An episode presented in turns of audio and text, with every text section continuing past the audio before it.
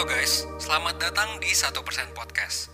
1% Podcast adalah bagian dari 1% startup life school terbesar di Indonesia.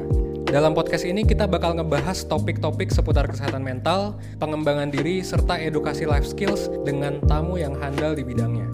Kami ingin kamu untuk bisa mendapatkan insight baru dan berkembang seenggaknya 1% setiap harinya. So that's all. Enjoy 1% Podcast untuk hidup seutuhnya.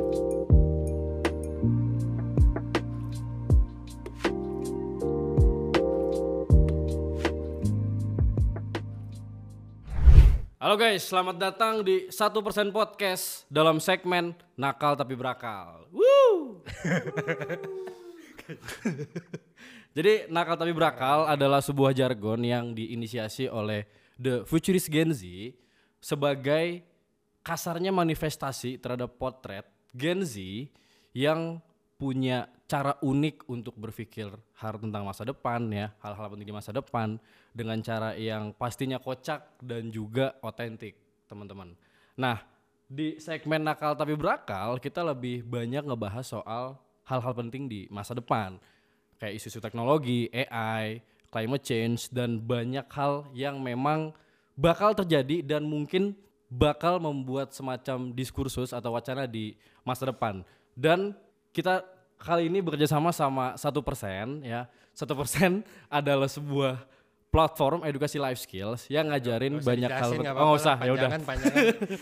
Udah tau lah ya, satu persen itu apa. Ya udah, siap. Dan kita disponsori oleh jelas Futurist Gen Z. Oleh diri kita sendiri guys. Aqua, Quid, Clear and Clear banyak pokoknya ntar ada teh juga dari Warkop Joni ya. Temen-temen. Dan tebak ini apa ya? Foam atau relax? Ya, yang bener nanti kita kasih ya. dan dan di episode pertama ini berarti episode pertama ya di segmen akal tapi berakal. Kita bakal bahas yang sebenarnya agak berat sih menurut gue Van. Cuma nanti kita bikin rada relax aja ya. Kita bakal bahas tentang progres perkembangan zaman ditinjau atau dilihat dari perspektif optimisme pesimisme dan pasti filosofi 1% good pragmatism. Ya. Dan sebelumnya kenalin dulu mungkin lu yang udah Siapa tahu belum pernah nonton ya. Kita buat lu yang mungkin udah ngikutin kita dari dulu mungkin nggak asing Ya. sama muka gue dan muka orang sebelah gua nggak lu kenalin usah nggak usah dikasih tahu, nggak usah ada di bawah. Gak usah ada di bawah deh. Pokoknya teman-teman bisa manggil gue Yoga dan sebelah gue adalah Evan, CEO dan founder 1%. Ya. Dan em, mungkin gue bakal memantik satu hal yang menurut gue sangat penting dan belakangan sering gue pikirin juga, Van. Van, kita tahu sekarang tuh eh, setuju nggak kalau gue bilang zaman sekarang berkembang makin cepat dan banyak riset yang ngomong itu juga. Bahkan Gita Wirjawan juga ngomong banyak hal tentang percepatan zaman, kenaikan emisi yang lebih cepat di era sekarang. Setuju nggak? Setuju. Oke. Tapi kalau kita ngelihat semacam kayak Semacam apa anjing? Aing jadi inget Bayam sore anjing kayak Oh, ngomong terlalu Bayem. berat. Iya. Gak apa-apa guys. Gitu ya. Kita juga terinspirasi oleh Bayem. Makanya kita membuat setnya seperti ini. Gitu ya. Lebih manly ya. Lebih apa ya? Ya, tongkrongan friendly lah. Iya. Hmm. Jadi Ya, lanjut lanjut. gue ulang ya. lu sendiri melihat perkembangan zaman kalau lihat dari eh, mungkin dari referensi buku yang lu baca atau YouTube yang lu Iya. tonton atau mungkin dulu pelajaran eh, kuliah apa menurut lu sendiri lu bisa melihat bagaimana perkembangan perkembangan zaman yang mungkin kita rentangin dari pra ini deh revolusi industri misalnya zaman-zaman ada revolusi industri sampai sekarang terus munculnya internet sekarang kita menghadapi isu masa depan yang lebih canggih kayak AI dan climate change misalnya. Nah, lu pribadi ngelihat gimana? Eh, maksudnya lu op- cenderung optimis banget kah atau lu punya eh, pesimisme juga atau gimana? Itu dulu deh. Oke. Oke. Iya. ya intinya kalau dari perspektif gua ya, gua ngelihat anjing udah, udah kayak ini. Sambil gitu dong. Gue punya puasa. Iya. Sumpah itu ikonik banget sih. Tapi di podcast yang sekarang sih Bayem ini ya agak berubah mukanya. Kenapa emang? Lebih nggak tahu mungkin karena nggak nggak diikat kali ya. ya udahlah. Em, ya. Tapi kalau ngomongin soal apa teknologi ya, jelas sih. Kayak kita ngelihat kalau yang gua gua paling lihat sih ya adalah kita tuh ada di zaman di mana perang tuh udah lama banget kagak ada cuy. Itu kayak aneh banget sih. Perang fisik ya. maksudnya ya yang lu maksud. Perang fisik. nah. Oke. Tapi sejak 1945 kan kan nggak ada perang lagi ya. Maksudnya nggak ada perang dunia lah. Hmm. Itu menurut gua aneh sih. Hmm. Itu karena dunia kan setiap berapa tahun gitu biasanya suka ada perang, Perang. yang cukup besar. Iya. Itu kalau lu lihat dari sejarah. Nah, di zaman kita sekarang Hmm. tumben nggak ada. Oke. Tumben nggak ada. Kecuali yang terakhir ya. Eh, Rusia, Ukraine itu pun orang-orangnya santuy gitu. Lu sem- sempet lihat nggak yang Wagner Group Iya. eh, apa nyerang si Putin? Ah. Itu kayak orang-orang yang di Moskow yang lari ya lari, lari pagi. Iya. itu kayak kayak aneh banget sih sebenarnya zaman sekarang bisa terjadi kayak gitu. Mungkin karena orang-orang udah asik sendiri dan lain sebagainya tapi pokoknya keanehan zaman sekarang kemajuan itu sampai bisa bikin yang menurut gua aneh sih ya. Iya. Dan ini perspektif aneh juga sih. Iya. Gua ngelihat jadi kayak orang-orang kagak mulai-mulai disconnected sih Oke. dengan dengan real life ya. Gua ngelihatnya gitu. Berarti itu bagus. Maksudnya kalau misalnya dalam sudut pandang lu kalau harusnya terjadi perang, orang-orang malah disconnected itu bagus atau gimana? Nah, gua melihatnya netral sih. Kar- karena gini, eh, di satu sisi kan perang udah lama nggak ada dan Iya. sekalinya ada perang pun orang nggak peduli gitu. Iya. Gue sih ngelihatnya gitu ya. Iya. Gue ngelihatnya gitu dan mungkin banyak yang nggak tahu juga. Kemarin si Wagner Group nyerang Rusia, Rusia, kan. ah. Eh, BTW buat yang nggak tahu, kenapa di Rusia bisa kudeta kayak gitu? Hmm. Di Rusia tuh militernya kan swasta Mm, betul. gitu. Jadi ya anggap aja polisi tapi yang punya polisi perusahaan gitu Swasta kan. ya. ah. Heeh, dan itu akhirnya nggak kudeta si ya percobaan kudeta lah. Nah eh, di situasi kayak gitu orang-orang Moskow tapi santuy-santuy aja dan gua ngelihat banyak juga Hmm. orang-orang bahkan kayaknya teman-teman gua yang Mhm. kagak tahu ada kejadian itu atau tahu tapi kayak ya udah biasa aja Iya. gitu. Padahal itu penting banget. Iya, betul. Kalau di tahun 2000-an kayaknya orang bakal geger sih Iya. gitu ngelihat atau tahun 1960-an, 1970-an Cold War gitu kan. Oke. Nah sekarang orang tuh kayaknya per- gara-gara perkembangan teknologi, meskipun ini asumsi, Iya. gua ngelihat Justru disconnected disconnect dengan hal seperti itu. dengan real life, dengan hal-hal yang dulunya dianggap penting. Iya. Sekarang orang jadi kayak ya udah mau twitteran, twitteran. Walaupun ada perang. iya, Ada meme-nya dulu gue lupa. bener, bener. Ntar tampilin meme-nya ya. Oh emang ada ya? Ada gua meme-nya gua nggak tahu yang sih. lagi makan belakangnya akan ribut gitu. Oh. gua kagak tahu anjir. Ya, berarti lo ngeliatnya disconnected justru. iya, gua ngelihatnya disconnected. Oke. Eh, dari real life ya. Cuman kita semakin connected dengan cloud lah, Oke, oke. dengan dengan dunia internet lah. Oke. Tapi lu sendiri tuh ngelihat perkembangan seperti ini dalam lu pribadi gitu ya. Lu percaya bak- kita bakal akan lebih baik atau justru sebenarnya ada semacam pesimisme atau ada proyeksi bakal degradasi gitu. Kayak misalnya kita sekarang dibantu oleh smartphone gitu ya. Dan kalau gue baca satu persen, kalau gue baca eh, Instagram satu persen atau YouTube gitu, kita banyak banget masalah-masalah Gen Z itu kan yang datang justru dari eh, teknologi smartphone juga, misal seperti itu.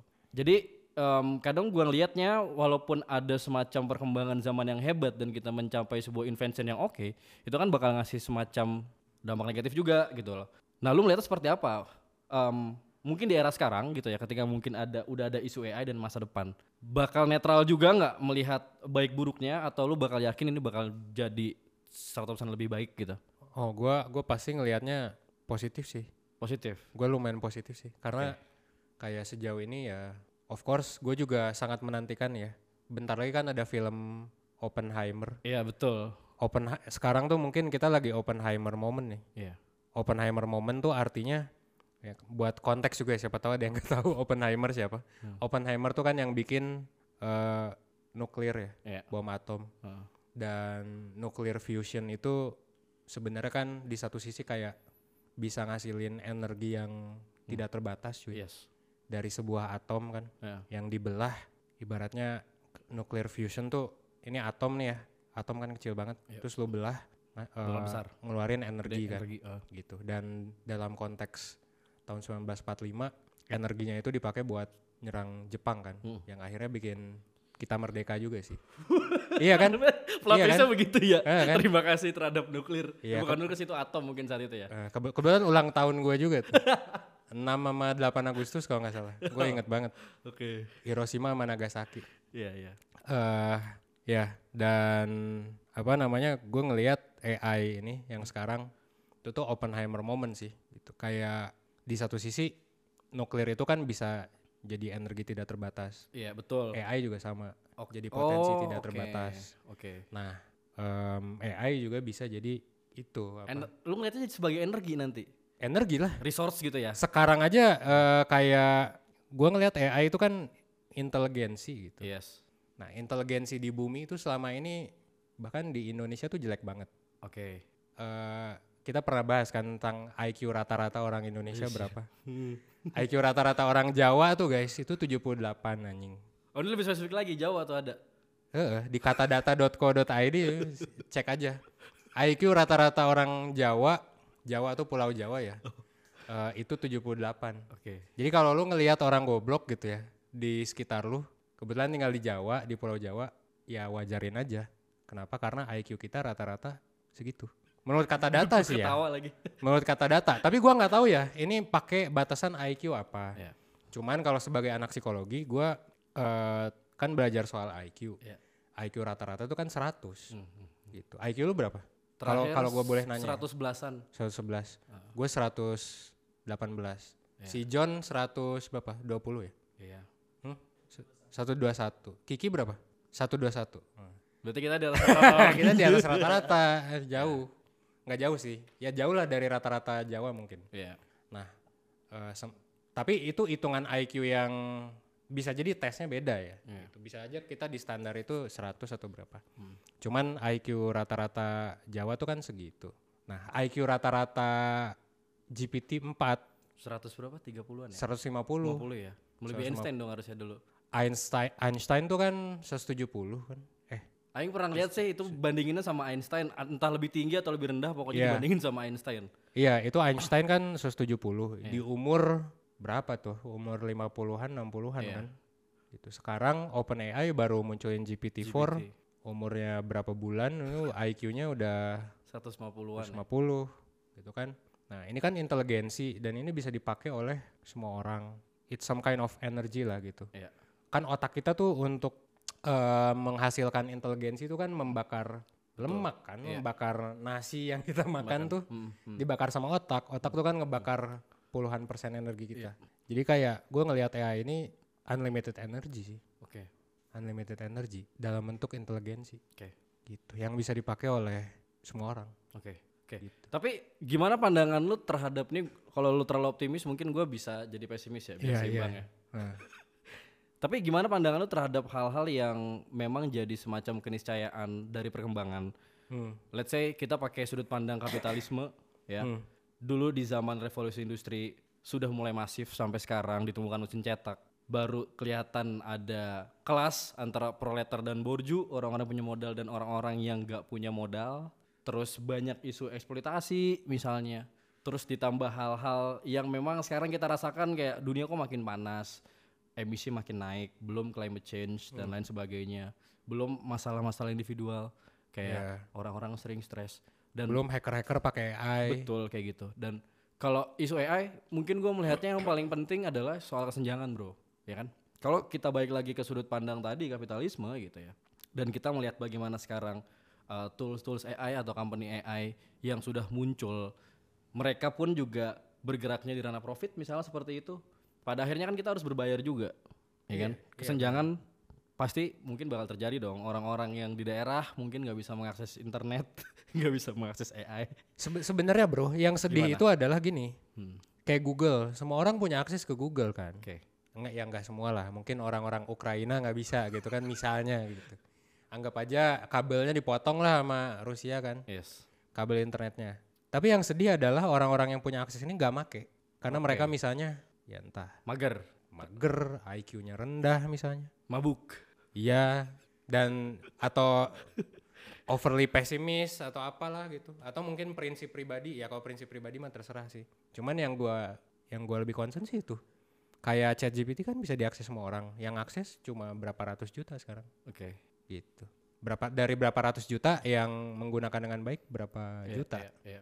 Sebenarnya gue nggak relate sih sama lo, karena gue itu di Seragen gue tuh tinggal di daerah terpencil bro. Yang memang sebenarnya bener yang lu kasih tahu gitu ya. Iya. sebenarnya internet tuh nggak lemot-lemot amat di sana gitu. Hmm. tapi mungkin kalau kita bahas secara struktural yang lebih lanjut lagi kayaknya mungkin sifat-sifat kemalasan tadi terus kemauan untuk bergerak itu juga semacam hal menjadi struktural gitu. Tapi kalau gue lihat dari mereka mereka tuh malas karena itu bro. Karena memang tuh mereka nggak dapat pendidikan itu gitu loh jadi kadang ada yang memang eh, kondisi di mana mereka juga butuh internet yang sangat ngebut mereka tuh malas buat keluar rumah gitu Benar, benar. jadi akhirnya mereka nggak ngakses sama sekali gitu Benar atau nggak ngerasa itu penting.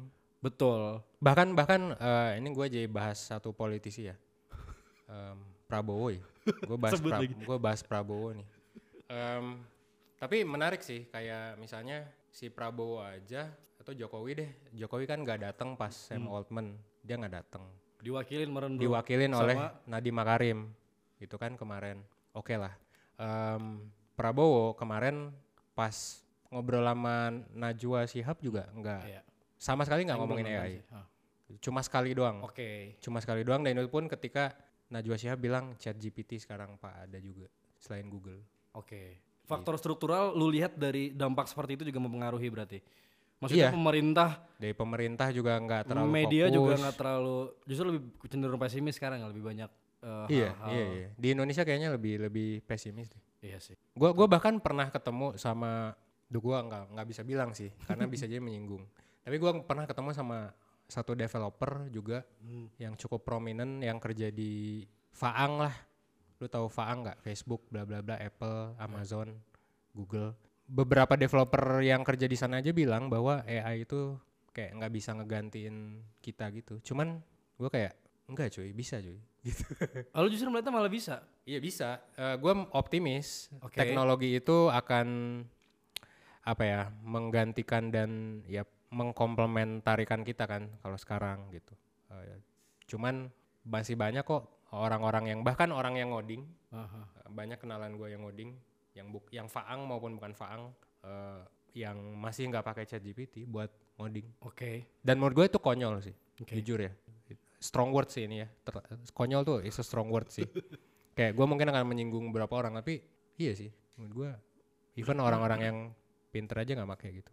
Dan Iya. itu dan itu ya kalau prinsip mah terserah lah ya. Gue juga kadang nulis malas pakai chat GPT gitu. Tapi eh, yang gue sayangkan mungkin yang struktural tadi sih, yang karena koneksi internet, Iya. karena Tapi menurut gue itu tinggal nunggu waktu sih bro, harusnya ya. ah Google juga berapa orang sih yang pakai bener-bener? Iya sih di data Menurut gua sih ya. Futuris Gen Z juga nggak sem- Oh hampir gitu. hampir 70% orang tuh tahu cuman nggak make sih. Oh yang Google Workspace ya, Google Docs gitu-gitu. Iya sama chat GPT. Iya. Iya, mungkin mungkin di beberapa belahan kota gitu. Kayaknya masih banyak yang nugas tuh masih pakai USB gitu. Itu kayak menurut gua Masih bro, me- menyedihkan sih. masih masih saudara yang masih sih. diseragin. Ngeprint tuh harus datang ke sebuah warnet yang jauh dari rumah, Iya, bawa USB. iya. Yang rentan kena virus juga itu. Iya, yang udah karatan Semadaf tuh yang ada ujungnya. semadafnya yang ada Iya, segitiganya kan Iya, iya, foldernya. Iya. Iya. iya. Sambil Sambil gini kan. Iya. Tapi gini bro, maksud gue tuh yang jadi aneh ya, gue tuh baru dengar statement yang tadi. Orang tuh takut buat tergantikan gitu loh. Dan itu kan sebenarnya kan kesimpulan dari pesi- pesimisme dong. Iya. Gue juga pribadi kalau melihat seperti itu mungkin cenderung pesimis karena mungkin ada hal yang hilang dari diri kita atau ada yang hilang dari eksistensi kita sebagai manusia untuk bekerja misalnya dan lain sebagainya. Nah yang gue penasaran tadi kenapa lu bilang justru tergantikan tuh menjadi sebuah optimisme gitu atau lu melihat sebuah point of view lain misalnya? Iya, kayak ya sama kayak Karl Marx lah. Karl Marx kan dulu bilang gini, atau mungkin bukan Karl Marx kali ya, gue lupa. Pokoknya eh, ada argumen gini lah, yang gue lupa dari mana, yang bilang bahwa kalau kita kumpulin nih semua makanan yang ada di dunia, Oke, kita tuh masih bisa ngefeed semua orang gitu loh. pernah dengar sih. ya. Pernah dengar kan yang kayak gitu. Intinya itu juga kan utopia Karl Marx ya. Oke. Kayak kalau kita merebut nih mesin produksi terus dibagikan ke orang-orang kayak ya kita bisa cukup gitu loh hidupnya oke. gitu kan itu itu kayak komunisme lah nah sekarang itu bisa dilakuin sih kalau misalnya si robot-robot ini udah saking mantepnya kita nggak perlu ngeluarin kos lagi kecuali kecuali listrik kali listrik pun pakai matahari kan Iya, bisa. Selama nggak ada nuklir, Pakai renewable energy juga bisa ntar. iya, selama nggak ada nuklir, listrik bisa gratis. Mat- Betul. matahari ya gratis. Betul. Kayak ibaratnya gini deh, listrik dari matahari kan, terus kayak ya udah semua negara anggap aja punya itu. Eh, dan dan gua nggak tahu sih hitung hitungannya, tapi gue pernah lihat satu video. Hmm. Ini kita ngomongin hitung hitungan biar bisa gratis ya. Iya. Di Australia kan banyak gurun. Anggap aja di gurun itu yang tiap hari kena panas tuh eh, apa namanya kita punya cermin-cermin yang akhirnya bisa menghasilkan energi energi panas kan. Iya. Eh, dipusatkan ke suatu ini. Kayak efek rumah kaca berarti. Dikumpulin panas sudah Iya, di- ruangan. dikumpulin kan ke satu titik. Iya. Satu titik itu jadi kayak menghidupkan turbin, kan? Betul. Betul. menghidupkan turbin, Iya. terus kayak jadi gratis kan. Iya. Em, oh iya, boleh boleh silakan. Eh, whi- whisky ya ini ya. Whisky. Whisky. Whisky tapi whisky tapi anget, Bro. Whisky. Ya. Oke. Ini apa, Bro? Apa namanya? Tadi Oh, apa namanya? vanilla ya ini. Ya? Whisky. Oh, karamel. Whisky karamel. Oke, siap.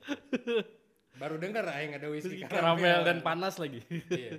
Ini disponsori oleh Warkop Joni. Iya. Disponsori oleh Warkop Joni. Jangan lupa follow warkopjoni.bdg di Instagram. Gue minum dulu ya, panas banget pasti. Nanti aja minumnya lah panas.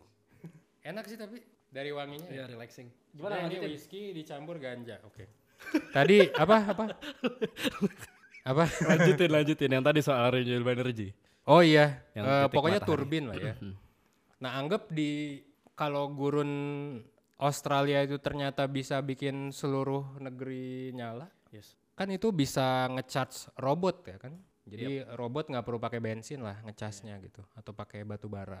Ya udah kan, si robot bisa gini-gini gitu misalnya apa? Iya. eh, apa Kerja kasar. pekerja kasar bener, bisa bikin rumah, bisa bikin Apa pun lah yang kita Apa pun pengen. Heeh, apa pun yang kita pengen bener. Dan costnya paling buat robot ya robot kan paling butuh apa ya nikel atau apalah gitu. Yes. Em, ya baterai lah baterai butuh nikel atau apa. Ya semoga aja nanti ada inovasi baterai. Sekarang pun udah ada inovasi baterai kan kayak iya sih ba- baterai iya bener. Baterai aja sekarang udah makin murah kan. Kayak kayak HP HP kita zaman sekarang tuh satu juta aja udah bisa fast charging. Iya, betul. dan lebih tahan lama gitu Hmm, jadi kayak kita tinggal butuh nikel aja yang banyak dan nggak tahu mungkin sumber renewable baterai lain. Iya. Ketika baterai udah bisa nol harganya, robot ya besi mah gampang lah ya. Robot juga bisa dibangun pakai plastik nggak sih? Yes, yes. iPhone aja udah bikin 5C kan Iya. dulu pakai plastik. Ya udah. Oke. Apa-apa apalagi gitu.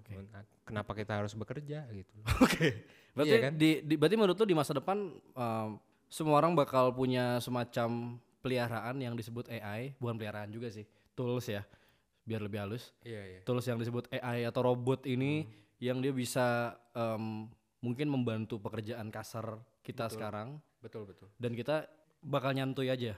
Menurut lu seperti itu di masa depan? Nggak juga. Nggak Oke. juga. Kita bakal apa berarti kalau misalkan dalam Hmm, fenomena seperti itu? dalam beberapa hal bakal nyantui. Tapi dalam beberapa hal lain enggak. Oke. atau kita mungkin bakal lebih peduli sama luar Sesama. angkasa. Oh, luar angkasa gue kira sama. Sesama juga iya. Karena gini, ini menarik nih. Ini isu yang menarik. Gue jadi ngalor ngidul nggak apa-apa ya. Gak apa-apa. gitu. Kayak eh, gini deh, gue kasih pertanyaan ke semua yang ada di sini ya. Eh, menurut lu ada nggak intele- intelligence life lain selain manusia di luar AI ya, di luar bumi juga? Menurut lu ada nggak? Ada sih. Ada nggak? Gue percaya ada. Ada. Dunia metafisik gitu lah ya kalau pakai term filsafat gitu. Enggak, bukan metafisik. Oh, bukan metafisik. Eh, maksud gua in, eh, apa Ada- ada makhluk hidup bernyata. lain makhluk hidup Oh. lain ada nggak another intelligent life Konspiratif sih gue Alien, alien. terlalu percaya gue kalau itu. enggak lu nggak percaya Nggak terlalu percaya. Kalau metafisik gue percaya mungkin. percaya nggak Ken- kenapa percaya John enggak anjing kenapa percaya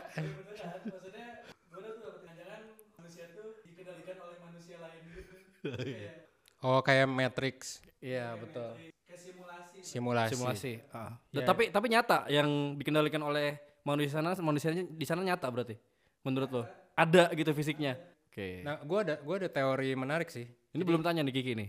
oh iya Kiki dulu. Kikip enggak kenapa enggak Yang ada sekarang. egosentris sekali. iya kan? Kenapa percaya manusia paling maju? Kenapa bukan bukan alien lain? Eh, kenapa bukan kryptonite gitu apa? Ya yakin doang ya udahlah. Berarti yang satu yakin yang satu simulasi ya? Eh, simulasi sebenarnya jawabannya bro. Jadi gini eh kan Aing sama John percaya lah ya ada simulasi. an- an- enggak ada another intelligent life lah Ya betul. di luar kita. Ah, pertanyaannya kenapa mereka nggak ngunjungin kita?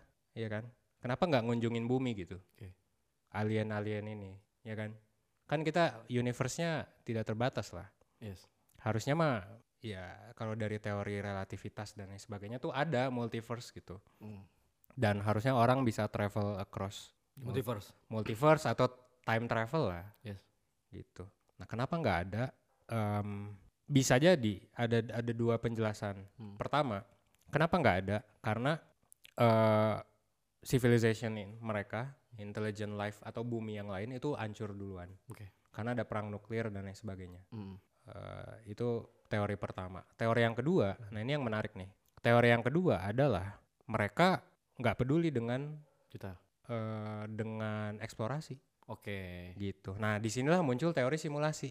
Oke. Kenapa mereka nggak peduli sama simulasi? Karena ternyata eh, namanya makhluk hidup itu ternyata always seeking balance. Oke, menarik. Gitu. Always seeking balance. Maksudnya gini, kan untuk hidup kita butuh energi Yes. Gitu. Dan energi itu terbatas sebenarnya. Oke. Meskipun ada matahari lah, matahari juga terbatas. Ya. Dalam beberapa miliar tahun akan habis anyway, Mm-mm. gitu kan? Eh, yang dan kalau kita lihat trennya sekarang, semakin manusia hidup enak, semakin mereka SJW cuy. Oke. Semakin mereka peduli dengan orang lain, Mm. gitu. Semakin nggak boleh makan sapi, nggak boleh makan daging. Semakin pinter, semakin nyaman, semakin vegan. Gitu. Dan itu bukan tanpa alasan karena kita manusia pengen balance, mengurangi cruelty lah, mengurangi konsumsi energi. Hmm. Nah, teori kedua ini, kenapa manusia manusia dalam tanda kutip atau intelligent life di luar sana nggak ke kita? Iya. Karena eh, eksplorasi angkasa itu membutuhkan banyak energi. Akhirnya apa yang mereka lakuin? Ini sama kayak di film Extrapolations. Iya, gue nonton tuh. Udah nonton semua belum? Belum tapi. Iya. Tapi ada satu episode yang menggambarkan bahwa manusia di zaman nanti Iya. 2050-2070 itu mereka bakal pengen ke internet semua. Oke. Karena apa? Karena itu bisa mengurangi konsumsi ka- eh, carbon footprint dan lain sebagainya. Betul. Pertanyaannya, kalau hidup di internet lu kan bisa bikin apa aja, ya kan? Ya lu bisa bi- bahkan kalau lu bosen dengan simulasi di sana, lu bisa bikin simulasi lagi. Oke. Di dunia internet itu lu bikin simulasi lagi. Nah, di dunia itu, di dunia simulasi dari simulasi itu, lu bisa bikin simulasi lagi. Anjir. Jadi kayak di kopi-kopi gitu, Bro. Iya, karena kan bosen. Kita pengen hidup tuh unpredictable. Oke. Sama kayak kata Alan Watts lah. Kayak kalau kita bisa ngontrol semua hal, ya kita pengen nggak bisa mengontrol itu malah. Oke. Kan pengen kaget gitu, pengen Iya, pengen hal-hal spontan. pengen experience lah. Iya, iya, betul. Nah, gua asumsinya gitu sih. Kenapa intelligent life lain belum mengunjungi bumi karena entah nanti kita akan self destruct Oke. dengan nuclear war dan bullshit stuff lah. Kayak si Putin atau siapa tiba-tiba ngebom gitu. Nuklir. ya. Iya kan? Kim Jong Un. Maaf Bang Kim Jong Un. Misalnya tiba-tiba ngebom kan bisa aja gitu. Terus ya udah kita bumi hancur atau yang kedua ya kita jadi lebih peduli sesama, lebih iya Mhm. ya leb- lebih balance lah hidupnya jadi nggak pengen menyakiti makhluk lain semakin kita pinter semakin kita mantep nanti teknologinya Tapi itu teori lu dahsyat banget by the way. Maksudnya bisa jadi gua nggak tahu berapa orang yang berpikir seperti itu gitu loh. Maksudnya Elon sih berpikir seperti itu dia maksudnya jadi simulasi ini dia bakal nyata bukan semacam kayak hologram atau dunia kita di em, digital internet gitu. ya simulasi kan lu pengen seril mungkin kan Oke. dan kayak ya kayak sekarang kayaknya simulasi deh ya nggak sih Mind blowing kata-katanya. Hah, kan Mak- maksudnya iya nggak sih kayak lu pengen hidup ya ya nggak sih Ngerti sih gua. ha. Hah, kayak kayak Ada hal yang kita pengen cuman itu nggak bisa kita dapatkan gitu bukan maksud lu? enggak eh, anggap aja Ada semacam hidup manusia lain. manusia yang asli nih yang beneran yang bukan simulasi itu udah maju banget Oke. terus kayak bosen ya nggak sih boring banget hidup ketika semua udah masalah udah nggak ada gini Oke. ya simulasi lah Oke. ya nggak sih hidup dari awal aja gitu Iya. Di kopi-kopi doang gitu ya. Bener bener. Jadi jadi endless bro. Bisa aja ada 500 ribu simulasi sampai kita. Jangan-jangan berarti kalau misalkan kalau menurut Evan berarti ya tadi. Berarti kalau kita simulasi berarti sebenarnya hal yang kita bahas ini udah dibahas juga dong dulu harusnya. Iya. Di zaman-zaman Multiverse. 1400. Multiverse coy. Welcome to multiverse. Ketawa. iya. Iya bener sih tapi.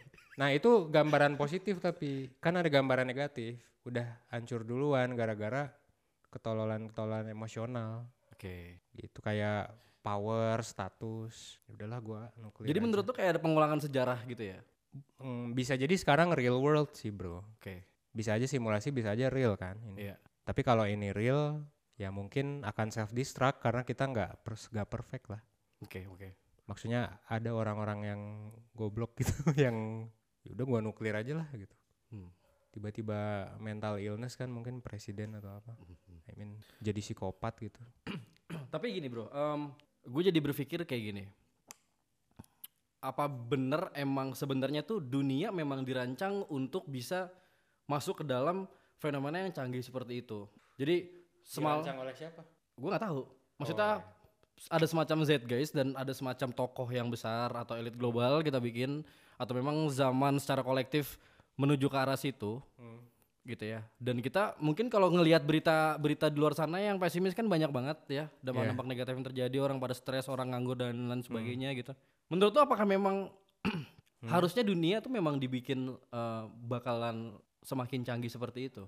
Atau lu pernah berpikir nggak kalau misalkan orang-orang di Baduy kemarin yang menolak internet justru dia bakal lebih jadi murni gitu, bakal jadi Ubermans justru karena memang dia jalan dengan alam gitu. Pernah berpikir eh, sebaliknya nggak? Ah, nggak tahu gua. Tapi tapi nggak tahu sih. Mungkin karena gua pro dengan mungkin cenderung pro dengan kapitalisme kali ya. Oke. Jadi kayak gua menganggap ya quality perkembangan quality of life tuh jangan ditolak nggak sih? Oke. Gue sih mikirnya gitu. Jadi Oke. kalau untuk yang menolak ya ya mereka ada plus minus. Oke. Tapi menurut gua banyak minusnya sih Oke. gitu. Kayak gue ngasih pandangan dikit. Jadi Hmm.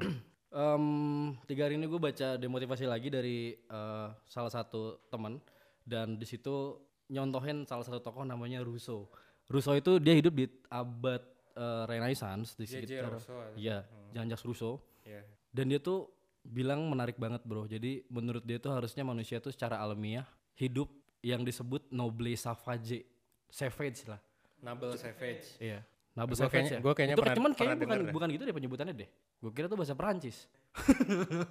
Iya Ya, sih ada, ada itu. bahasa Perancisnya. Iya, noble noble savage, savage. Oke, itulah pokoknya dia menyebutkan salah satu em, teori itu dan dia bilang harusnya masyarakat itu nggak usah dekat dengan kemajuan karena kemajuan itu cenderung bisa merusak, cenderung bisa mendegradasi kita sendiri gitu. Dan kalau mis ini gue berpikir sebagai orang yang pesimis mungkin ya, orang yang mengkritik gitu. Ya, lu juga sering bahas misalkan karena kapitalisme orang bakal konsumsi lebih banyak gula misalnya, terus orang bakal lebih stres, cenderung stres dan lain sebagainya gitu. Tapi gue tahu kalau ngomongin sekarang itu justru malah bukan jadi semacam solusi. Ya karena kita udah datang atau kita udah da- masuk ke dalam satu struktural yang kita harus jalanin hal tersebut gitu. Tapi iya. kalau misalnya ya itu mungkin nanti kita bahas di solusinya. Tapi kalau misalkan sekarang kita bisa pilih yang mana yang bakal kita mau pilih dan bisa start dari nol lagi gitu. Lu bagaimana ngelihat pandangan-pandangan yang seperti itu yang pesimisme terus selalu melihat hakikat manusia tuh harusnya ya udah lu hidup di alam aja berjalan dengan alam aja lu bakal bisa hidup gitu. Even lu nggak ada ambisi di sana. Ya Schopenhauer juga ngomong seperti itu karena orang mempunyai ambisi, karena orang mempunyai hasrat, ya lu bakal jadi stres gitu karena lu didorong sama kekuatan yang disebut will menurut dia gitu ya. Yang itu tuh sifatnya liar dan bakal bikin lu fuck up gitu. Ya mungkin ini ada ketimuran juga lah. Kalau lu baca filsafat ketimuran kan dan lu juga dulu pernah ngerilis filosofi santuy gitu. Itu kan sebenarnya kan respon kita juga dong terhadap kesantuyan zaman eh sorry respon terhadap kecanggihan zaman gitu. Nah lu melihatnya seperti apa? Apakah memang fully optimistic? Atau ada semacam pesimisme dalam diri lu juga yang bisa menjadi semacam apa ya mungkin solusi atau penyeimbang gitu dari ambisi dalam pikiran lu sendiri Enggak sih, gua ngelihatnya ah bacot nih. bacot nih orang anjir dikasih MacBook paling nggak mau balik lagi nanti.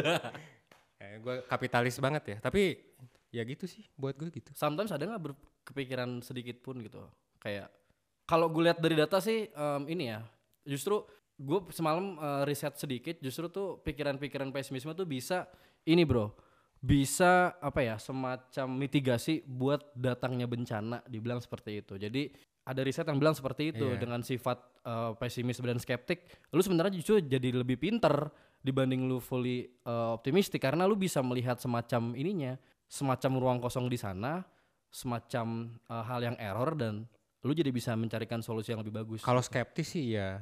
Cuman eh, apa namanya bagi gua kalau kalau lu, lu nggak apa lu nggak terbuka dengan perubahan atau kemajuan, Heeh.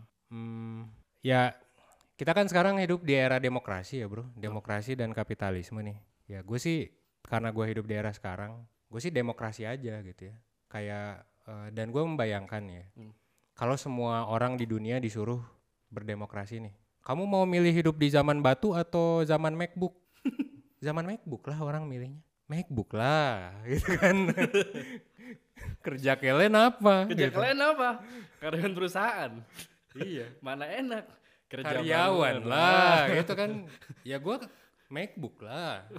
Gua- dan orang kalau ditanya pasti jawab gitu. Apalagi kalau lu udah menikmati electricity, lu udah menikmati AI. Emang lu mau balik lagi? Ada sih yang mau balik lagi ya, silakan aja. Oke. silakan aja kalau mau balik lagi ya Iya kayak kayak film oh jangan deh kayak film Indiana Jones tapi gua eh, ini nanti yang apa spoiler cuman ya itu itu kalau mau balik lagi ya silahkan tapi gue yakin paling cuma 10% lah paling banyak Hmm. gitu Oh, eh, bahkan gue berani taruhan kalau si Russo hidup lagi tuh terus dia disuruh masuk ke Dark Age Dark Age atau zaman Mongol dah gitu lu Iya. hidup di di bawah Islam ya otoriter. Islam yang diserang Mongol gitu Iya. Terus lu harus perang gitu kan terpaksa. Ya lu pasti milih zaman demokrasi lah. Lu Oke. pasti milih kebebasan. Lu bisa bacot aja kan karena demokrasi. Oke, oke. eh al- karena Rousseau Renaissance bukan sih? Renaissance. Abad 17. iya maksudnya kayak kayak kita mungkin taken for granted gitu sih. Oke. iya sama lah kayak apa ya? Iya sih kayak kayak gue tahu banyak SJW SJW mungkin yang kayak misal eh apa bilang ya go green and all gitu kan. Tapi kalau di kalau misal si orang ini misalnya yang SJW banget gitu eh, hidup di zaman di mana tidak ada sedotan gitu. Misalnya terus dia kan anti sedotan. Mungkin nggak mau sih. Jadi menolak idealisme sendiri juga pada akhirnya. Eh, bukan menolak tapi kayak kalau dikasih dua pilihan memang sih nggak bakal pakai sedotan. Tapi gue lebih milih zaman yang future yang udah ada sedotan paham Oke, nggak? Iya, iya. karena in some cases lu akan butuh sedotan anyway kan Iya. atau lu akan butuh MacBook lu akan butuh Iya. Sedotan Meskip- cuma contoh lah ibaratnya ya. Hmm. Iya meskipun lu lu nggak pro sedotan atau lu nggak pro Apple lu nggak pro ya banyak lah tools tools ya AI atau apa Oke, oke. atau lu nggak pro baju gitu kayak si siapa Diogenes. Iya Diogenes yang kayak anjing kan Manusia hidupnya anjing. Iya kan hmm, ya orang kayak dia mungkin mau sih tapi berapa persen 0, berapa persen Di era sekarang ya. Mungkin si Diogenes juga kalau ditempatkan di lingkungan yang berbeda dia akan berperilaku berbeda juga Oke. Poin penting Iya. soal lingkungan tuh. Iya, kayak kayaknya gue lebih lebih ke ini sih, kayak apa ya? Ya, ibaratnya bacotan lu nggak akan muncul kalau teknologi nggak maju gitu loh, bro. Iya, eh, eh, ya, gue lebih lebih gimana lingkungan itu ngaruh ke pemikiran si Rosso dan lain sebagainya gitu. Itu kayak ya kalau teknologi nggak maju, kalau nggak renaissance, kalau nggak demokrasi, kalau nggak kapitalis, Iya. Tadi yang menarik sebenarnya yang belum bahas tuh yang soal skeptik itu, Bro. Gue tuh penasaran sebenarnya fungsi skeptik buat lu dalam menjalani ambisi-ambisi tadi soal optimisme tuh apa gitu. Gue penasaran sih sebenarnya. Buat eh, mengkritisi kah atau buat apa gitu? ya kayak kayak misalnya gini, gue juga nggak membatasi tontonan gue ya. Misal eh, meskipun gue cenderung kapitalis, gue nonton juga tontonan SJW lah. Oke. bisa dibilang eh, tontonan yang kiri gitu dan eh, misalnya nih orang-orang kiri tuh mengkritik patriarki lah ya misal gua nggak menganggap patriarki itu baik atau buruk ya kayak tapi misal gua ngelihat nih suatu kritik kayak hmm, SJW itu fe- atau feminis lah biasanya kan ada yang mikir gini kayak nikah tuh nggak penting gitu Oke. child free aja gitu kan ya itu kan skeptis ya dan dan kritis gitu loh Iya. terhadap kayak kultur monogami. Itu argumen minoritas lah ibaratnya sekarang lah. Iya, monogami dan juga keluarga gitu. Karena misalnya argumennya adalah oh keluarga itu patriarki banget, kapitalis banget gitu. Karena dengan adanya sistem keluarga nuklir kayak sekarang, nuklir tuh ya ayah ibu anak dua. Hmm. Itu tuh bikin hmm, kita terdisconnect, disconnected dan lain sebagainya gitu. Ya, gue sih menurut gue skeptis itu penting di sananya, biar kayak kita bisa memilih gitu mau hidup yang kayak gimana. Oke. Stop gitu ya. Lu bisa berpikir sejenak dan ambil hal yang penting Bener sih. dan oke. Kayak oke ada opsi nih untuk child free gitu loh. Oke. Ya udah, mau child free ya silakan, mau enggak Oke. ya silakan. Oke. Jadi skeptis dan kritis tuh untuk stop dulu gitu. Kayak eh, bukan stop dulu, apa? Refleksi lah. Iya betul, refleksi sih bahasa Pilih- yang paling pilihan bagus. lu tuh ini karena tren doang gitu atau lu memilih untuk seperti ini. Kalau mungkin kita kali ya, gua sama lu yok, Hmm. gua berasumsi sih ya. Tapi kalau gue sih, ya gue pro kapitalis karena gue mungkin bi- bisa dibilang consciously gitu, gitu bukan bukan karena emang apa ya, ya kan banyak tuh orang yang ya cari duit sebanyak banyaknya tapi kayak eh, apa ya, nggak nggak nggak berprinsip lah gitu mungkin, Hmm. nggak kayak si Bayem ya kan, lu punya duit, Duit lu banyak kuasa. lu punya kuasa Tapi gitu. buat gua enggak. iya buat dia kan enggak gitu ya udah gitu buat dia enggak nah buat gue iya punya duit punya kuasa gitu jadi tinggal milih mau jadi bayem atau jadi kapitalis atau jadi apa dan itu nggak salah cuy Iya. Tinggal terima konsekuensi aja kan kalau misalnya lu jadi bayem gitu Hmm. lu menang di pemikiran tapi nggak punya duit buat beli rokok aja minjem gitu ya gimana menurut gua sih itu nggak baik ya Hmm. buat gua sih Hmm. kayak mendingan gua punya duit dan pemikiran Oke. daripada punya pemikiran aja Oke. Dan kayaknya skeptik, nggak gua gue sih ngeliat lu kalau misalkan dari argumen seperti itu ya, berarti gua ngelihat em, hmm, kalau misalkan em, apa namanya skeptik sebagai bahan buat refleksi lu, kayaknya kurikulum tuh termasuk manifestasinya sih bro, kurikulum satu persen bro, karena itu kan merespon kapitalisme juga pada akhirnya iya dan bikin orang menjadi bisa lebih berdaya. benar Padahal lu sendiri kontra. Sometimes gini, lu kan tadi kan lu, lu, lu bilang lu seorang kapitalis, bener kan? iya Tapi lu merespon buruknya kapitalis. enggak gua kan meresponnya dengan ngasih jalan buat orang nah itu maksud gua. kapitalis Maksud gue itu. iya justru gua pro dengan kapitalis cuy Iya, tapi kan ada in, in a way in a way ya Iya, tapi ada respon juga kan? Ada respon Iya. ketidak gue juga kesenangan lu mengkritik juga kan? gue juga mengkritik tapi kapitalis Nah, itu maksud gua s- berarti sikap skeptik lu di situ. Iya bener. Eh tapi jatuhnya bukan mengkritik sih kayaknya. Gua ka karena kalau ngekritik, ya sorry ngekritik sih ya. Tapi maksudnya bukan berarti gua negasi. Iya, loh. iya, iya. Tapi lebih ke gua ngasih masukan nih. Solusi lah. Iya, gua ngasih masukan terhadap kapitalisme yang gue pikir bagus. Tapi ada loh orang miskin yang nggak bisa makan. Yes. Ada loh orang yang bayar kuliah aja di Twitter harus jual barang. Iya. Biaya kuliah menurut gua wajar tinggi Hmm. karena gua kapitalis kan. Gua percaya di liberalisasi pendidikan tinggi. gitu. Makanya gua dulu sejak zaman BEM aja nggak ikut tuh revisi undang-undang dikti karena gue percaya liberalisasi atau mengkapitalisasi apa ya pendidikan tuh oke. Yang lu story itu ya. Iya, yang gue storyin. Karena orang-orang kan pada protes biaya kuliah mahal gitu. Menurut gue sih wajar. Iya. Gimana nih? Emang emang mahal. Tapi eh, di satu sisi gue juga mengkritik Hmm. eh, kayak oke kalau ada orang nggak bisa bayar dan gue juga termasuk orang yang dulu nggak nggak bisa bayar. Ya gimana bandingnya oke nggak gitu. Oke. Maksudnya banding UKT kan. Eh, terus beasiswanya cukup nggak tepat sasaran nggak. Hmm. Gue sih lebih ke sana ya. Iya sih, gue mungkin pro kapitalisme karena gue merasa itu yang terbaik sekarang. Tapi di satu sisi gue juga merasa itu bukan yang terbaik selamanya sih. Mhm. Gitu. Yes. Gue kalau skeptik tuh melihatnya penting Van justru bener tadi buat refleksi tadi udah lo sebutkan karena menurut gua zaman itu kan banyak ambisi dan banyak hasrat untuk menuju suatu hal kan dan itu sometimes yang bikin orang jadi fuck up dan kan lu juga sering bahas di satu persen dan lain sebagainya nah justru dengan sifat eh, skeptik tersebut sebenarnya bikin orang buat berpikir ulang keputusan selanjutnya yang bakal dia putuskan atau dalam struktural misalnya apakah sebuah teknologi ini Oke nggak bakal buat saya? betul gitu, oke Ah, nggak buat gua atau oke nggak buat zaman buat zeitgeist gitu Iya, sama lah kayak keluarga berencana. yes Lu mau milih KB atau enggak? Kan Iya. terserah lu. yes Kalau pemerintah maksa itu ke lu, ya orang lu hidup di negara ini ya terima aja ya nggak sih? oke Kalau lu nggak setuju ya jangan terima, tapi ya silakan demo. Gitu aja kan simple. Yep. Ya dengan asumsi kita hidup di negara demokrasi dan kapitalis Yes, lagi-lagi. betul, betul. Karena kalau kita hidup di Kim Jong Un mah, Beda, Bro. lu ngelawan, Lawan lu hilang. gue menang soal pemikiran, wah tembak anjing. Ngomong lu ngomong kayak gitu, tembak kan.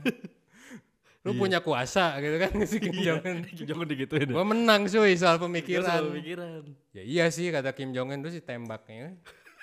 Gimana ya anjir? Iya. Mungkin jalan terbaik, eh, mungkin kurikulum life skills ya. Kalau di Korea Utara jadi militer sih. Iya betul betul. Karena prinsip pragmatis kan. Nah ini sebenarnya jadi solusi bro pada akhirnya bro. Iya, iya. bener. Jadi em, tapi gue penasaran John sama Maneh John. Tadi Aing pas diskusi mempertimbangkan dua kondisi mau hidup di zaman sekarang yang serba canggih atau mau hidup kayak Baduy, kayak orang-orang daerah Atau hidup di zaman benua masih nyatu. ya bro. gitu. Yang lo masih berkoleksi. Kayak Afrika masih nyatu semua nih. Pa- Pangea sebutannya dulu Iya, masih nyatu. Bener-bener pangea, pangea. Ya lu lebih milih yang mana? Sekarang lah, ya nggak sih? Oh lebih sekarang. Iya. Oke, Nam- Ada MacBook. Mau mau apa? menarik. Mau kepuasan seks tinggal coli? mau mau apa? Mau kepuasan apa? Eh, Apa pun in- ya? intelektual, YouTube, mau apa lagi? Mesen makanan, Terus grab makanan food. ada apa pun ada bisa. Tinggal self control aja nggak sih? Gitu. Oke. Tinggal tapi mungkin buat beberapa orang ya, gue nggak memungkiri juga. Dua 20% orang mungkin fuck up banget kapitalis. Iya. Kan nggak semua orang nggak lahir dengan otak yang kepribadian yang sama. Hmm. Mungkin mereka nggak cocok di kapitalisme, jadi fuck up. Iya. Nah orang-orang kayak gitu sih yang menurut gue harus kita peduliin kayaknya. Nah ini menarik nih. Tadi kita bahas dari sudut pandang optimisme yang menurut gue sangat ambisius ya. Terus em, beberapa solusi dari skeptik dan sebenarnya gue penasaran sama mungkin teman-teman juga belum pernah dengar istilah good pragmatism ya. Dan gue sebenarnya pengen dijelasin dulu Van. Bisa nggak lu jelasin dan mungkin nggak itu jadi solusi buat bisa mendamaikan dua pro kontra tadi gitu. Gimana menurut lo? Pesimis sama optimis. Betul. Dan solusinya adalah ya dengan prinsip kita sebagai orang yang memiliki eh, anggaplah ideologi good pragmatism gitulah atau principles itu. Oke. Em, kayaknya kalau pesimis optimis solusinya kan hmm, gini, bentar. Iya. Pesimis sama optimis itu kan kayak kubu Kalian- negatif sama positif lah ya. Betul. gitu. Em, kalau pragmatis itu sebenarnya lebih ke lawannya idealis kan. Oke. Nah, mm, sebenarnya kalau di sini eh, pesimis, optimis, di atas eh, idealis sama pragmatis. Iya. Atas bawah maksudnya. Ya atas bawah. Oke. Jadi kiri kanan pesimis, optimis, atas bawah eh, Idealis, pra- Idealis. pragmatis. pragmatis. Nah, sebenarnya menariknya adalah pragmatisme itu di tengah-tengah sih, good pragmatism itu. Oke. Nangkep gak? Netral. Kalau Eh, disederhanakan seperti itulah ya. bukan netral sih, lebih ke kontekstual. Oke. Nah, Yap. Karena karena nggak mungkin di tengah. Sama kayak, oke misalnya gini nih, kontekstual ya. Eh, kan pragmatis nih kita. Iya. Kita hidup di era 1998. Iya. Cara terbaiknya apa? Demo lah. Ya Betul. nggak sih? Cara terbaik membuat perubahan di Oke. zaman Soeharto. Oke. Demo artinya kita menjadi idealis dan pesimis. Oke. Betul. Di zaman sekarang nggak nggak ada apa-apa nih terjadi di Indonesia. I mean, ya adalah UU represif atau apa gitu. Iya. Tapi untuk bikin bisnis dan lain sebagainya tuh nggak susah sebenarnya. Mm. Sangat gampang. Apa yang harus dilakuin? Pragmatis gitu. Santuy aja, santuy, pragmatis, optimis Oke. gitu. Kalau di Kim Jong Un pragmatis banget, Mm. lebih pragmatis lagi. Kalau di sini mungkin kita ya balance lah antara pragmatis dan idealis kali ya. Iya. Jadi ada di tengah-tengah gitu. Jadi kalau bisa kita bikin bisnis tuh yang menghidupkan juga orang-orang kecil lah gitu Oke. kan. Kayak misal ya dengan gue bikin satu persen kan gue bisa ngasih konseling lah ke orang-orang gak mampu gitu, Iya. maupun mampu gitu kan. Oke. Jadi agak pragmatisnya ke bawah dikit gitu kan. Oke. Gitu. Eh, terus ke kanan lah karena optimis kan kita. Iya. Mm. Ya kalau kita hidupnya eh, apa namanya di ya di tempat lain mungkin bukan Indonesia bisa jadi berubah atau di Yep. di Tergantung. Kim Jong Un kan Iya. pragmatis banget lu harus jadi mili- militer Iya. Iya. Kalau lu mau bikin perubahan Iya. Iya. karena dengan jadi militer ibaratnya lu bisa nyamarin orang dari dibunuh gitu Oke. gitu dibunuh yang gak jelas gitu lu selamatin lu suruh kabur ke Korsel gitu Hmm. kan itu very pragmatic Dan soal goodnya itu apa? Kenapa ada good Ah, Ini, ini sebenarnya baru. Gue semalam sempat riset nih. iya. Nggak ada itu data dari good pragmatism tuh sebenarnya nggak ada dan mungkin lu baru mencetuskan itu gitu loh. Nah, Di internet nggak ada. nggak iya, ada. emang nggak ada. Di GPT nggak ada. Nggak ada bener. Gue juga nggak tahu ada yang pernah mencetuskan itu atau enggak. Yes. Tapi intinya good pragmatism tuh artinya ya be contextual tapi be ethical about it Oke. gitu. Jadi kayak maksudnya adalah ya lu pentingin diri sendiri dulu baru abis diri lu sendiri mantep nih Oke. lu lakuin kebaikan sebenarnya itu sih intinya. Oke. Berarti garis besarnya soal etik dan gak etik tadi ya. Ah maksudnya gimana? Tadi kan lu bilang eh, mentingin diri sendiri dan berlaku etik Iya iya iya. ke orang lain etis. Jadi sendi men- mementingkan diri sendiri dulu Oke. baru abis itu berperilaku baik ke orang lain. Oke. Oke. Berarti lu melihat sometimes orang-orang yang pragmatik di luar sana dia unethical. Ada yang unethical. Oke. Kayak Russian Egois hacker. gitu ya? Ya Russian egois atau nggak peduli sama sekali. Oke. Iya, kayak orang yang ngejar duit, ya udah buat diri gua sendiri aja. Yang penting gue duitnya banyak gitu. Nggak apa-apa gua ngerusak alam gitu. Yes. Oke. Yang sebenarnya kita juga ngerusak alam sih, bro. Mhm. Ya kan? Tapi ya namanya juga emang teknologinya masih segini, emang gua pragmatisnya kayak kita masih pakai AC gitu loh. Mhm. AC kan mungkin ngerusak atau kita masih makan daging yang mana itu cruelty kan buat Iya. binatang gitu. Berarti cukup liberal juga ya kalau dipikir-pikir. Liberal, lib- libertarian mungkin. Libertarian ya. Cukup libertarian Cukup ya. jatuhnya. Tapi Lu mementingkan tapi dulu- ada sisi SJW-nya juga, libertarian dengan SJW ya. iya iya iya sih. iya iya. Gua nggak tahu sih ada yang mendefinisikan itu atau enggak ya, karena Karena kalau gue tangkap sih kan gitu. jatuhnya kan di tengah dan kontekstual. Kayak lu nggak bisa lah jadi libertarian di Korea, Korea Iya, Utara. betul. Yang banyak intervensi dan lain sebagainya Hmm. susah. Lu harus jadi apa di zaman Soeharto lu nggak bisa lah jadi libertarian. nggak bakal maju Indonesia nanti. nggak bakal ada reformasi. Oke. Sekarang kalau gue kasih contoh potret solusi dari good pragmatism misalnya dalam melihat isu perkembangan teknologi misalnya bro. Berarti orang yang good pragmatism adalah tahu ketika dia nggak bisa fully optimistic. Misalkan dia tahu di teknologi misalkan soal uh, AI bisa pada akhirnya ini bakal ngebantu hidup dia banget. Tapi di sisi lain di pesimismenya dia ngelihat oh ini tuh ternyata si teknologi ini tuh bisa ngancam gua nih privasi dan lain sebagainya gitu. Nah, berarti orang yang good pragmatism ini punya pilihan buat nggak pakai teknologi itu atau meriset sistem dari teknologi itu. Iya, Seperti itu. iya. Tergantung kapasitas diri. Oke. Kalau misalnya lu adalah petani gitu ya bertani, Oke. nggak usah ngomongin AI. Paham nggak? Lu eh, jadi orang yang good pragmatis tuh very self aware harusnya. Oke. Kayak kalau dia anggap aja IQ-nya rendah, dia sadar IQ-nya rendah Oke. dan oh IQ gua rendah. Ya udah gua kontribusi ke masyarakat dengan gua bertani Oke. dengan harga normal, dengan etis gitu. Oke. Contoh lain, Bro. Coba yang rada ke teknologi lain ada ya? nggak? Oke. Buat buat melihat masa depan. Tadi kan perspektif orang yang mungkin ya non privilege, IQ-nya mungkin terbatas, Yes. eh, aset terbatas dan lain sebagainya. Jadinya bertani. Hmm. Kalau misal kita gitu, ya kita mungkin diberkahi dengan IQ yang di atas rata-rata, tentu di atas 100 di atas rata-rata. Terus kayak eh, kita juga diberkahi dengan kita bisa kuliah gitu. Oke. Kan yang kuliah cuma 10-12% orang Oke. gitu. Ya harus pakai dong. Kan kita punya power untuk itu. Oke. Gue jadi pengen bawa agama nih, tapi tapi mungkin kalau bawa agama kayak ya kalau lo bisa nikah nikah gitu loh, kayak gitu. Oke. Kalau lo bisa dan mampu ya nikah, sama kayak naik haji gitu. Kalau lo bisa dan mampu naik haji nih Berangkat. berangkat. Jangan nggak berangkat, karena berarti nggak good pragmatis dong. Coba gua sederhanain lagi ya. Ini kayaknya terlalu kompleks contohnya nih. Iya, iya, Gue pakai contoh kasus. Misalnya gini, gue adalah anak yang berprivilege dan gue baru hari ini gue baru dapat akses ChatGPT Premium. Ya, ChatGPT Plus. Nah, Misalnya dalam satu titik gue merasa gila nih, kayaknya ChatGPT ini bisa ganti pekerjaan gue nih. Nah berarti gue pesimis dong. Tapi di sisi lain gue optimis kan gue pakai itu buat kerjaan gue. Nah kalau gue seorang good pragmatis harus juga ngapain berarti? ya lu nyari kerjaan lain yang nggak bakal kegantiin. Oke. Dan sambil pakai ChatGPT buat optimize kerjaan lu. At least belajar ya. Hmm. Oke. Seperti kata sponsor kita. Turis Gen Z. Oke. Jadi ibaratnya em, apa ya bro ya? Kalau gue sih melihatnya jalur yang terbaik, tapi at least lu nggak jadi fuck up juga gitu ya. Bener.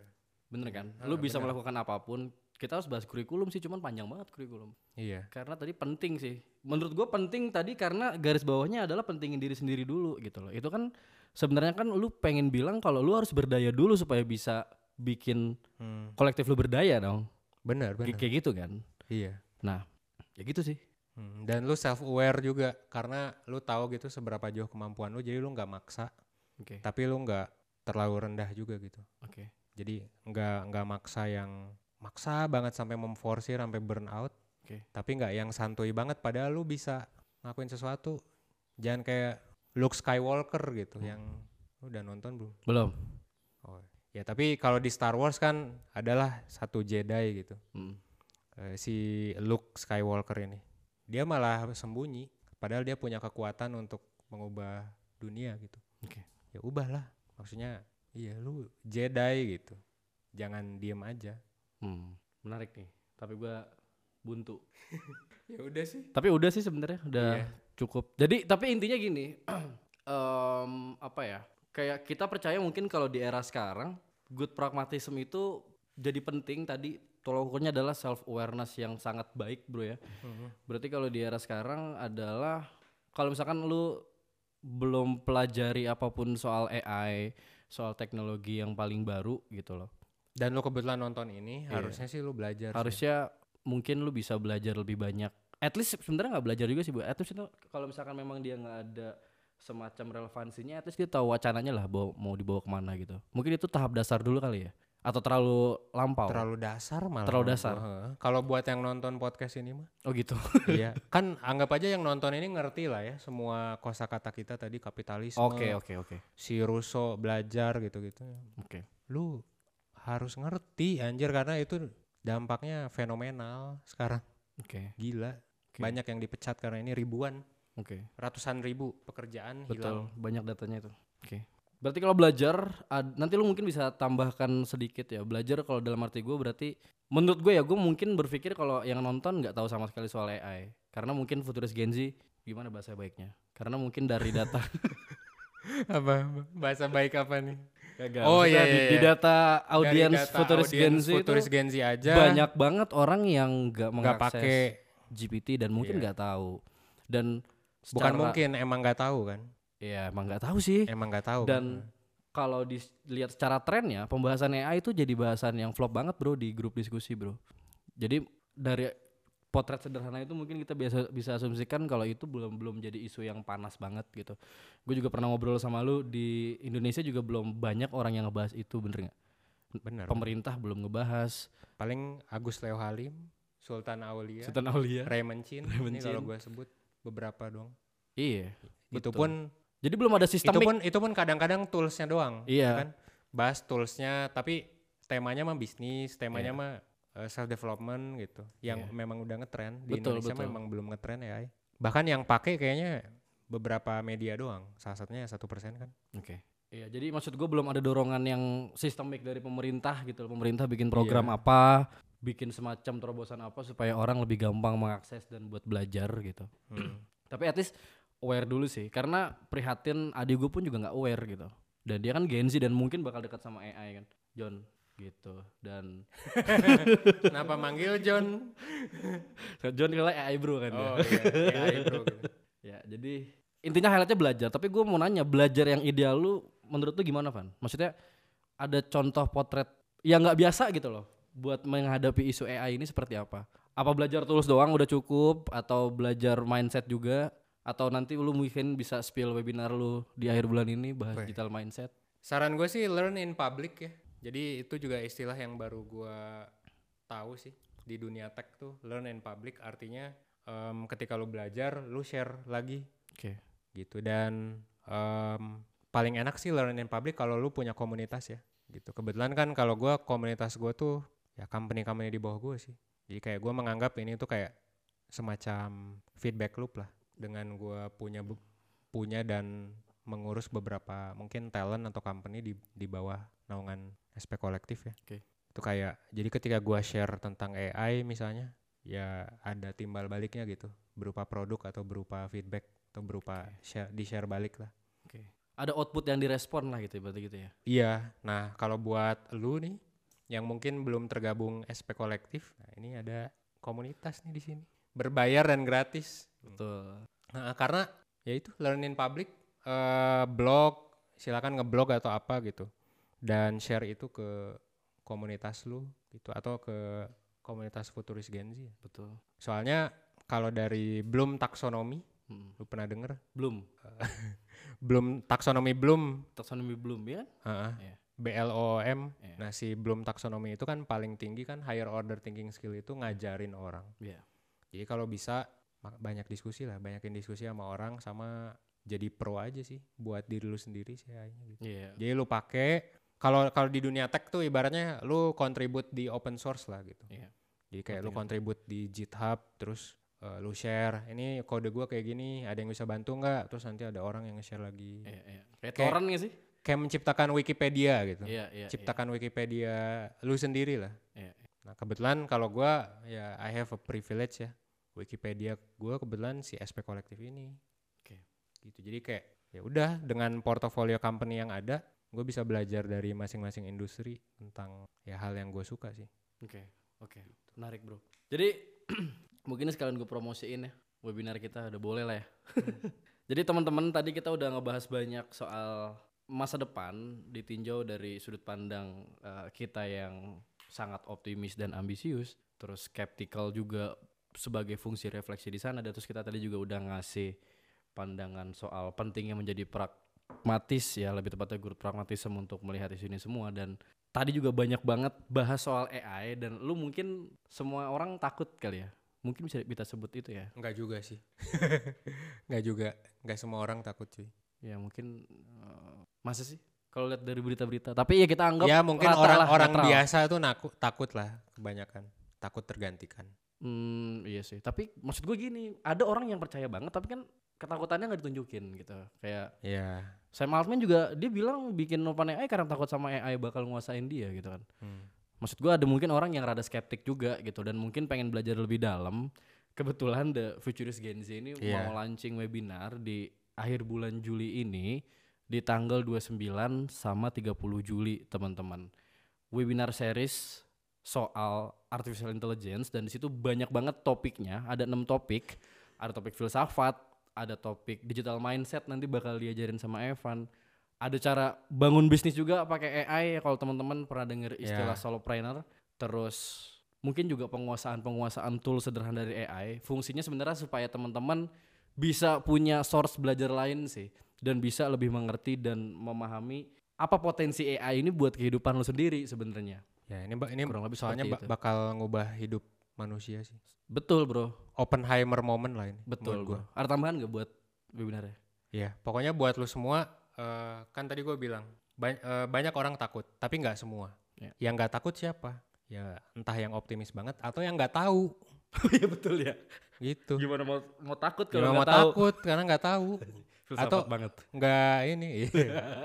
Kayak. Socrates gue ya. gitu. iya Permainan kata dan Permainan bahasa. kata dan bahasa Semantik banget ya, ling- linguistik banget ya. Udah kayak filsuf kan. iya ya udah tapi tapi intinya gitu guys kayak eh, biasanya yang gue lihat yang nggak takut tuh entah lu memang optimis kayak si Andreessen Horowitz yang kayak dia bilang ya emang ada resikonya tapi kecil gitu. Ya Elon Elon juga Elon sama juga, sih meskipun dia sering gembar-gembor takut. Sebenarnya dia nggak takut banget sih gitu. optimis cuman ada chance aja 1-2% bakal dimusnahkan aja kita. Oke. Nah, eh, yang nggak takut, yang menurut gua bahaya tuh yang nggak tahu, nggak tahu. sama sekali. Yang nggak tahu kayak tiba, tiba-tiba, hah? Hah? Kok- Apaan chat GPT? Kok eh, kerjaan saya tiba-tiba nggak ada gitu?